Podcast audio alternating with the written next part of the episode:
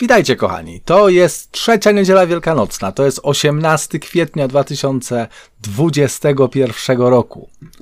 To jest projekt Owca, to jest nasza seria Book Movie, w której rozważamy czytania na niedzielę i większe święta, a tak naprawdę w której uczymy się słuchać tego, co Pan Bóg mówi do mnie teraz, dzisiaj. Czy nie, nie, nie do mnie, ale do każdego z nas. Bo Pan Bóg do nas mówi. Mówi do nas, Pismo Święte używa dwóch różnych słów, żeby określić, e, jak Pan Bóg do nas mówi. Jedno słowo określa to słowo spisane, słowo, które mamy zawarte w Biblii, a drugie słowo określa żywe Słowo Boże. To Słowo Boże, które słyszymy w naszym sercu. To Słowo, które Pan Bóg mówi do mnie, o mnie, dzisiaj, teraz, na teraz. To Słowo, którym Bóg mnie prowadzi do zbawienia. A zbawienie zaczęło się w momencie mojego chrztu. Ale przejdźmy do czytań dzisiejszych. Ciężko zrozumieć dzisiejsze czytania, przynajmniej ja mam kłopot ze zrozumieniem dzisiejszych czytań bez spojrzenia na nie przez Ewangelię. Dlatego najpierw przesuńmy wszystko do Ewangelii. Zacznijmy inaczej. Dzisiejsza Ewangelia pochodzi z 24 rozdziału świętego Łukasza. Przez większość tego okresu wielkanocnego będziemy patrzeć na te wszystkie spotkania Jezusa ze swoimi uczniami. Te wszystkie spotkania, które miały miejsce już po zmartwychwstaniu. Te wszystkie spotkania, w których Jezus udowadnia i pokazuje, że On jest, że jest żywy, że jest prawdziwy, że można Go dotknąć, że ma ciało, że nie jest duchem, że nie jest zjawą. Te wszystkie spotkania, w których pobudza w uczniach wiarę w siebie, w prawdziwego siebie. Ewangelia zaczyna się w momencie, kiedy uczniowie, którzy szli do Emaus, wracają z powrotem do Jerozolimy i opowiadają wszystkim uczniom, którzy są zgromadzeni razem, co ich spotkało. I w momencie, kiedy oni opowiadają o Panu Jezusie, on staje pośród nich. I tu takie moje pierwsze skojarzenie. Imię Jezus jest sakramentem. Imię Jezus, wypowiedzenie imienia Jezus przywołuje obecność Jezusa, nawet teraz, nawet teraz tu, nawet teraz u Ciebie. Wystarczy zawołać i On przyjdzie. To jest szczególnie ważne przez całe życie i w momencie śmierci. Wołaj do Jezusa, ale wołaj wiedząc, że On przyjdzie. Opowiadaj o Jezusie, ale za każdym razem, jak będziesz o Nim mówił, czy będziesz o Nim mówiła, wiedz, że On pojawia się na, brzmie, na dźwięk Jego imienia. I tak stało się tam. Gdy oni rozmawiali o tym wszystkim, On stanął pośród nich i, rzekł, pokój wam. Pokój wam. To jest pierwsze i główne życzenie Boga do nas. Właściwie w tych wszystkich rzeczach, które Jezus mówi po swoim zmartwychwstaniu, przeważają dwie: nie lękaj się i pokój. To hebrajskie słowo pokój, shalom, ono zakłada, już wielokrotnie mówiłem, taką całą pełną rzeczywistość, rzeczywistość pełnego, bogatego, dostatniego, spełnionego życia. Ten hebrajskie pojęcie pokoju jest dużo szerszym pojęciem niż nasze pojęcie pokoju. Ale to apostołom nie wystarcza, bo oni widząc Jezusa, słysząc o nich, do nich dotarło już wiele informacji o tym, że Jezus się pokazał, że osoby go spotkały, że z nim rozmawiały. Ci teraz na bieżąco opowiadają, szliśmy z Jezusem do Emaus. Nie poznaliśmy go, ale rozjaśnił nam umysły, wyjaśnił nam pisma. I jak zasiadł z nami do stołu, to okazało się, że to Jezus. I ten sam Jezus staje, a oni co? A oni się zatrwożyli i zlękli, że widzą ducha. Patrzcie, jaki jest poziom wiary tych ludzi, którzy przez ostatnie trzy lata szli z Jezusem krok w krok, byli z nim dzień i noc. Przeżywali dni radosne, dni zwyczajne, dni smutne. Ci, którzy słyszeli bezpośrednio ze ust Jezusa, to zapowiedź tego wszystkiego, co nastąpi. I gdzie jest ich wiara? Gdzie jest ich wiara? Widzą Jezusa, Jezus do nich przychodzi, a oni się wystraszają w środku dnia, bo to duch. A co robi Jezus? Jezus robi to samo, co w przypadku Tomasza. Mówiłem o tym ostatnio. Jezus przychodzi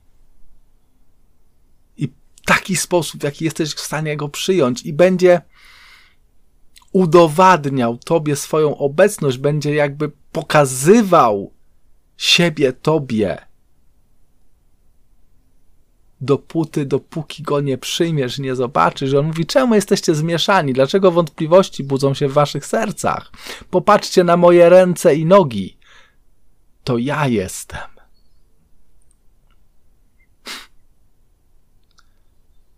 Tak jak do Tomasza. Popatrzcie na moje ręce i nogi. Patrzcie, te, te dziury w rękach i w nogach Jezusa, one zostają na całą wieczność. Jako pamiątka ofiary, jako pamiątka poświęcenia za ciebie i za mnie. Mówi: Dotknijcie mnie i przekonajcie się. Duch nie ma ciała ani kości, a jak widzicie, ja mam. I po tych słowach pokazał im ręce i nogi, pisze święty Łukasz. Jaka jest ich reakcja? Oni dalej nie wierzą. Tak jest w tekście, to ja, ja nie zmyślam. Lecz gdy oni z radości jeszcze nie wierzyli i byli pełni zdumienia, rzekł do nich: Macie coś do jedzenia? Patrz, kolejny krok. Jezus jakby zagęszcza sposób udowadniania swojej prawdziwej obecności. Możecie mnie dotknąć, ale może, może wam się wydaje, cały czas. Może waszej, wasza wiara jeszcze jest taką wiarą po prostu, że to być może ja jestem, ale macie wątpliwości. Dajcie mi jeść. Dają mu rybę i on je.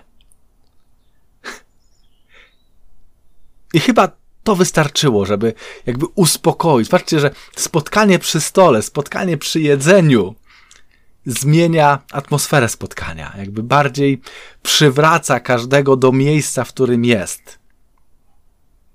Zmienia uwagę, zmienia koncentrację.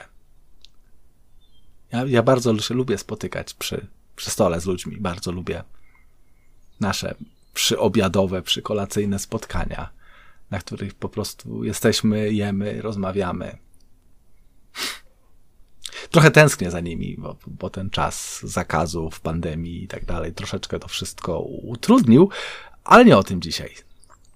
Ale Jezus obiecał, że ja nie pamiętam dokładnie, w którym to jest miejscu, ale że jeżeli go zaprosimy, to on przyjdzie razem z Ojcem i będzie z nami jadł posiłek. Tego za każdym razem, jak spotykamy się, czy my sami ze sobą w ramach rodziny, czy, czy jak przychodzą do nas goście, to w modlitwie, w której modlimy się i błogosławimy jedzenie i miejsce i spotkanie, zawsze zapraszam Jezusa do stołu. Bo lubię, jak On jest z nami. Ale nie o tym dzisiaj. Jezus jakby po tym, jakby u, po udowodnieniu, że to On, po pokazaniu, po zidentyfikowaniu, przechodzi do czegoś bardzo ważnego, bo zaczyna tłumaczyć im, że o nim mówi całe Boże Słowo. Zaczyna tłumaczyć im po kolei, mówi im, to właśnie znaczyły słowa, które wam mówiłem, jak byłem z wami, że musi się wszystko spełnić, co jest napisane o mnie w prawie, u Mojżesza, u proroków i w psalmach. I wydaje się, że oni dalej nie rozumieją bo wtedy Jezus oświecił ich umysły, aby rozumieli pisma. I to jest ten kłopot, który, który my mamy generalnie. E, że czytamy i nie wiemy, co czytamy. że czasami dyskutujemy teologicznie, bardzo mądrze, w bardzo wyszukanych słowach i, i, i, i udowadniamy Pismo Święte i nie wiemy, co czytamy. I nie znamy prawdziwego znaczenia, nie, nie znamy prawdziwej intencji i nie wiemy, bo Boże Słowo ma taką właściwość, że ono jest prawdziwe w każdym momencie czytania i ono jest prawdziwe do Twojego życia teraz. Jeżeli otworzysz Pismo Święte i zaczniesz je czytać, zaczniesz je czytać, ono zacznie czytać Ciebie. Zacznie mówić do Ciebie o Twoim życiu. W moim przypadku tak się dzieje czasami. Ja tak czytam Boże Słowo. Czytam, czy słucham, czy w jakikolwiek sposób, jakby sięgam do Bożego Słowa. Ono zaczyna do mnie mówić.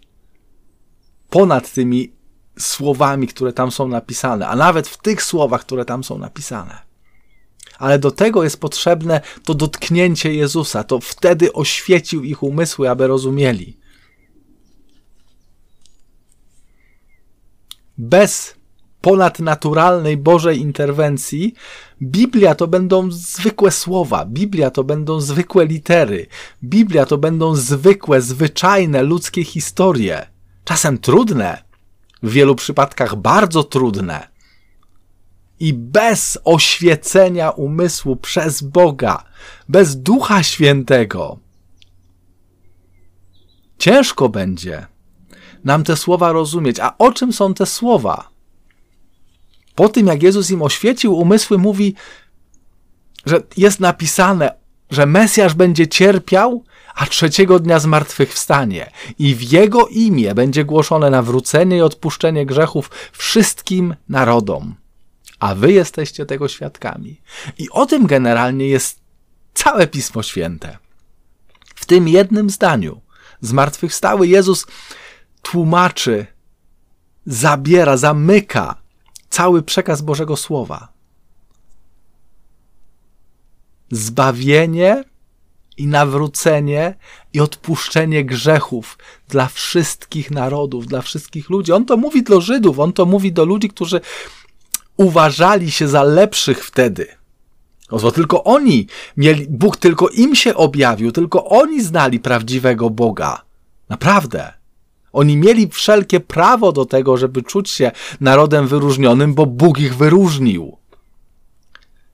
Ale Bóg ich nie wyróżnił po to, żeby postawić ich na piedestale. Bóg ich wyróżnił po to, żeby przez nich, przez ten naród, wylać swoje zbawienie na cały świat, na wszystkie narody.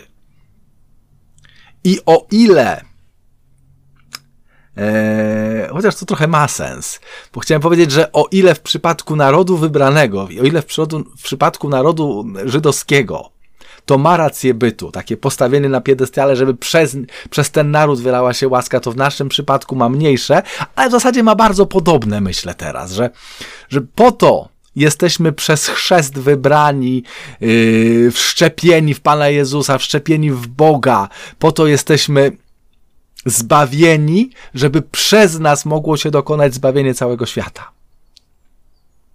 I po to jesteśmy świadkami. I jeżeli nie staniemy jako świadkowie, czyli dopóki nie, nie spotkamy żywego Boga, dopóki nie dojdzie do spotkania żywego, prawdziwego spotkania z żywym, prawdziwym Bogiem, to nasza wiara jest tylko religią, nasza wiara jest tylko religijnością, nasza wiara jest tylko powtarzaniem pewnych tradycyjnych, historycznych gestów. Naprawdę. I dlatego tak często nie, zasmucam się w tych naszych spotkaniach, czy w tym, co tutaj robię na, na projekcie Owca, ponieważ dla mnie osobiście główną przyczyną wszystkich problemów, w których jakby w tej chwili jesteśmy w kościele katolickim, zwłaszcza w kościele katolickim w Polsce, bo ten kościół no, trochę znam. Przy, główną przyczyną tego, co się dzieje, jest pewien rodzaj, rodzaj zatwardziałości na to żywe, prawdziwe spotkanie z żywym, prawdziwym Jezusem, po których można powiedzieć: Jestem świadkiem I tego nam brakuje. I tego Ci życzę. I sobie przede wszystkim też. tego właśnie spotkania, na którym Jezus rozjaśni mi umysł, że zobaczę i Boże Słowo, i rzeczywistość z zupełnie innej perspektywy, Jezus zrobi to, że zacznie słyszeć Jego głos coraz wyraźniej, widzieć świat Jego oczami, słyszeć Jego uszami, kochać Jego sercem. Każdego, kogo spotkam i stanę się wtedy świadkiem Jego zmartwychwstania, świadkiem tego wszystkiego, świadkiem tego, że Bóg odpuszcza grzechy. I wróćmy teraz do pierwszego czytania. Pierwsze czytanie to jest wystąpienie Piotra w dniu zdesłania Ducha Świętego. I Piotr w mocy Ducha Świętego, z mocą Ducha Świętego, do kilku tysięcy ludzi zgromadzonych wokół, tłumaczy, że jesteśmy świadkami tego, że zgodnie z pismem Bóg posłał Jezusa i wy go zabiliście zgodnie z pismem. I dlatego Bóg wam wybaczy, bo działaliście w nieświadomości. A Bóg spełnił wszystko to, co zapowiedział. I co? I Piotr kończy, przynajmniej w tym naszym wybranym fragmencie. Pokutujcie więc i nawróćcie się, aby grzechy wasze zostały zgładzone. I po tym wszyscy są tak ściśnięci Bożą obecnością, są tak przygnieceni Bożą obecnością, są tak przygnieceni Bożym Słowem, bo nagle to zrozum, ta łaska zrozumienia Bożego Słowa z Piotra rozlewa się na wszystkich słuchających i każdy chce się nawrócić i trzy tysiące ludzi chrzci się, trzy tysiące Żydów, wiernych Żydów, chce się zanurzyć w imię Jezusa Chrystusa. Bo tym jest chrzest. Chrzest jest zanurzeniem w Bogu. Ale oni chcą się zanurzyć w Bogu przez Jezusa Chrystusa. Dlatego tak ważne jest, żeby, żebyś ty jako wierząca, ty jako wierzący, ja jako wierzący stał się świadkiem świadkiem spotkania z Jezusa i dał sobie przemienić umysł. Bo bez przemienionego umysłu, bez tego dotyku, który pozwala mi zrozumieć i spojrzeć na wszystko inaczej, ja będę wiedział coś o Jezusie. Będę mógł się nauczyć na temat Jezusa, będę mógł być specjalistą na temat Kościoła, Jezusa, Biblii i tak dalej. Będę, mogę mieć profesor, pro, profesora ze znajomości Jezusa. I co z tego, jak ja nie będę mógł powiedzieć nic o spotkaniu z Jezusem, żywym Jezusem, a dopiero spotkanie mnie zmieni i dopiero spotkanie zmieni ciebie przeze mnie. I dopiero po spotkaniu będę mógł rozpoznawać Jezusa i widzieć Jego działanie w miejscu, w którym on działa, a które było do tej pory niedostrzegalne. Przejdźmy szybciutko do psalmu dzisiejszego. Wznieś ponad nami światłość Twoją, Panie. To na podstawie psalmu czwartego. Kiedy wzywam Cię, odpowiedz mi Boże, który wymierzasz mi sprawiedliwość. Tyś mnie wydźwignął z utrapienia, zmiłuj się nade mną i wysłuchaj moją modlitwę. My często kojarzymy Bożą sprawiedliwość z Bożą karą. A tak naprawdę Boża sprawiedliwość, według psalmisty, polega na tym, że Bóg dźwiga mnie z mojego utrapienia, zmiłuje się nad nami i wysłuchuje moją modlitwę. Wiedzcie, że godnym podziwu Pan czyni swego wiernego. Pan mnie wysłucha, gdy będę go wzywał. Spokojnie zasypiam, kiedy się położę, bo tylko Ty jeden, Panie, pozwalasz mi żyć bezpiecznie. Tu słońce prześwieca. To jest ta pewność osoby wierzącej. To jest ta pewność tego, że Bóg jest ze mną. Pokój, spokój. To jest, ta, to jest to miejsce, w którym ja przyjmuję wołanie Jezusa: pokój wam.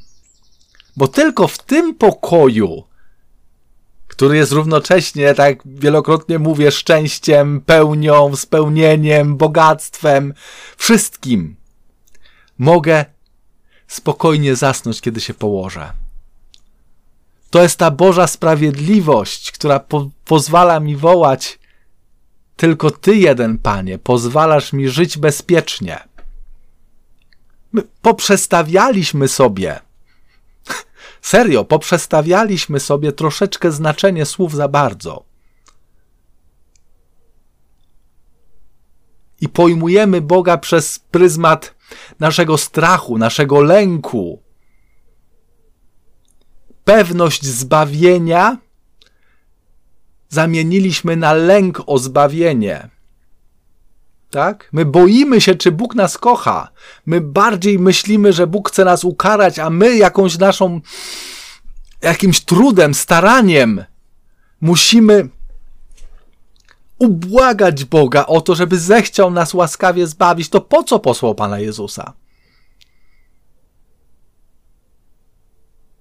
Módlmy się o ten pokój, i tą Bożą sprawiedliwość, która jest prawdziwą Bożą sprawiedliwością, która jest pewnością tego, że Bóg mnie wysłucha, jak będę do Niego wołał, Bóg będzie obecny za każdym razem, kiedy wezwę Jego imienia.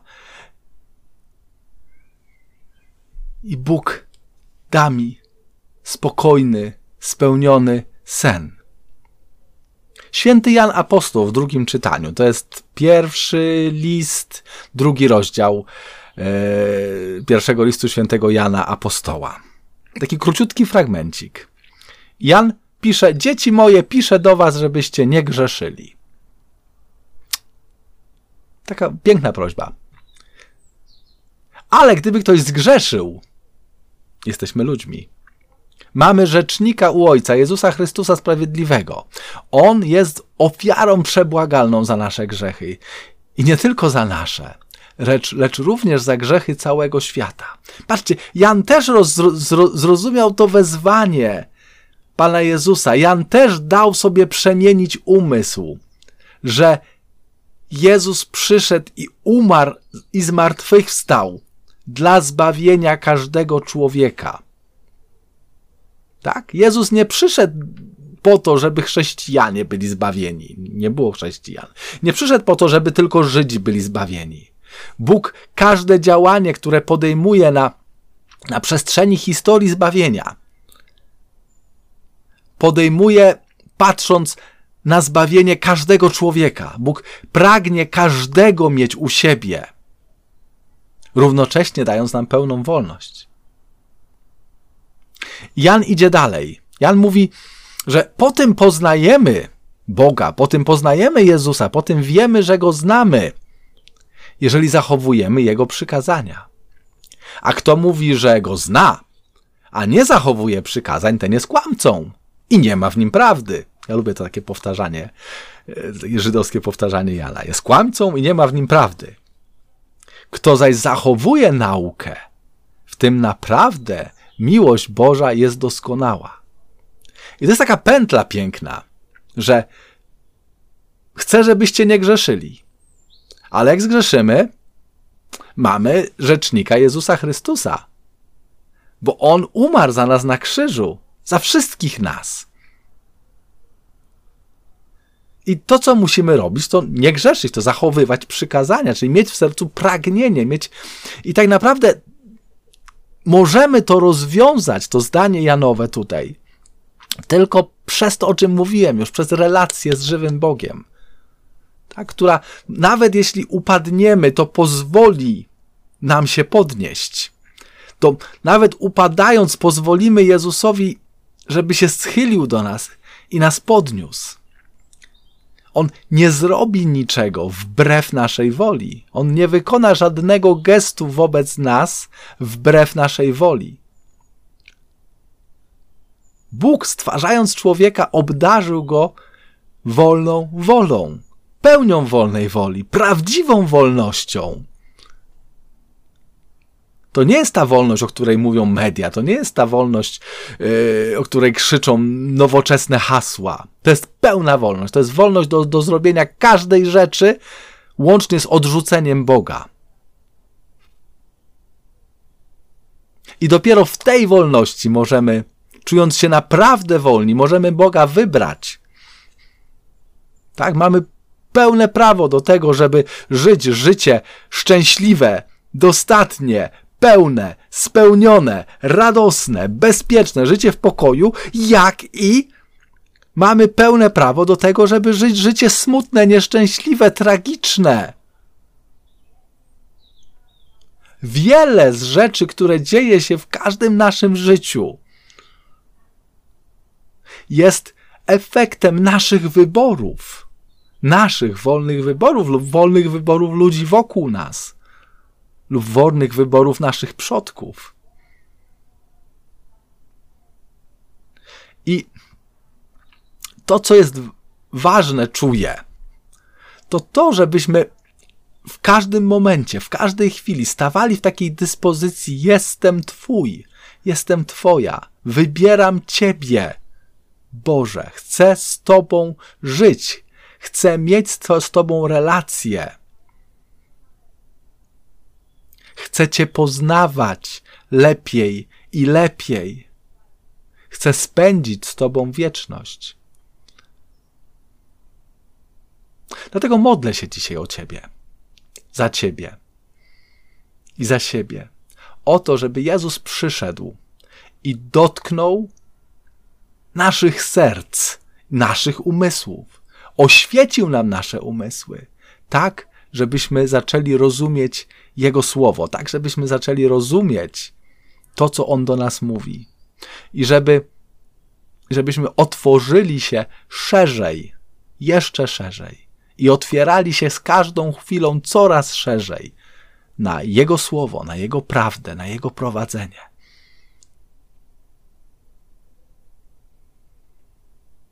Niech to się wydarzy w naszym życiu. Póki co, życzę Ci wspaniałego czasu, życzę Ci wspaniałego, wspaniałej niedzieli,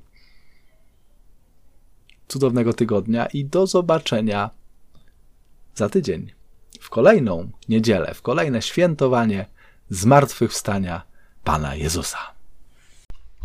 Dziękuję Ci bardzo za to, że dotrwałeś aż do teraz i wysłuchałeś całego nagrania. Zapraszam ponownie za tydzień, a w międzyczasie polecam polubienie i udostępnienie swoim znajomym naszej strony facebookowej Projekt Owca, jak również subskrybowanie naszego kanału na YouTubie Projekt Owca TV. Życzę Ci wszystkiego dobrego, wielu łask Bożych, błogosławieństwa Bożego i ogromu mocy Ducha Świętego w życiu Twoim i Twoich najbliższych.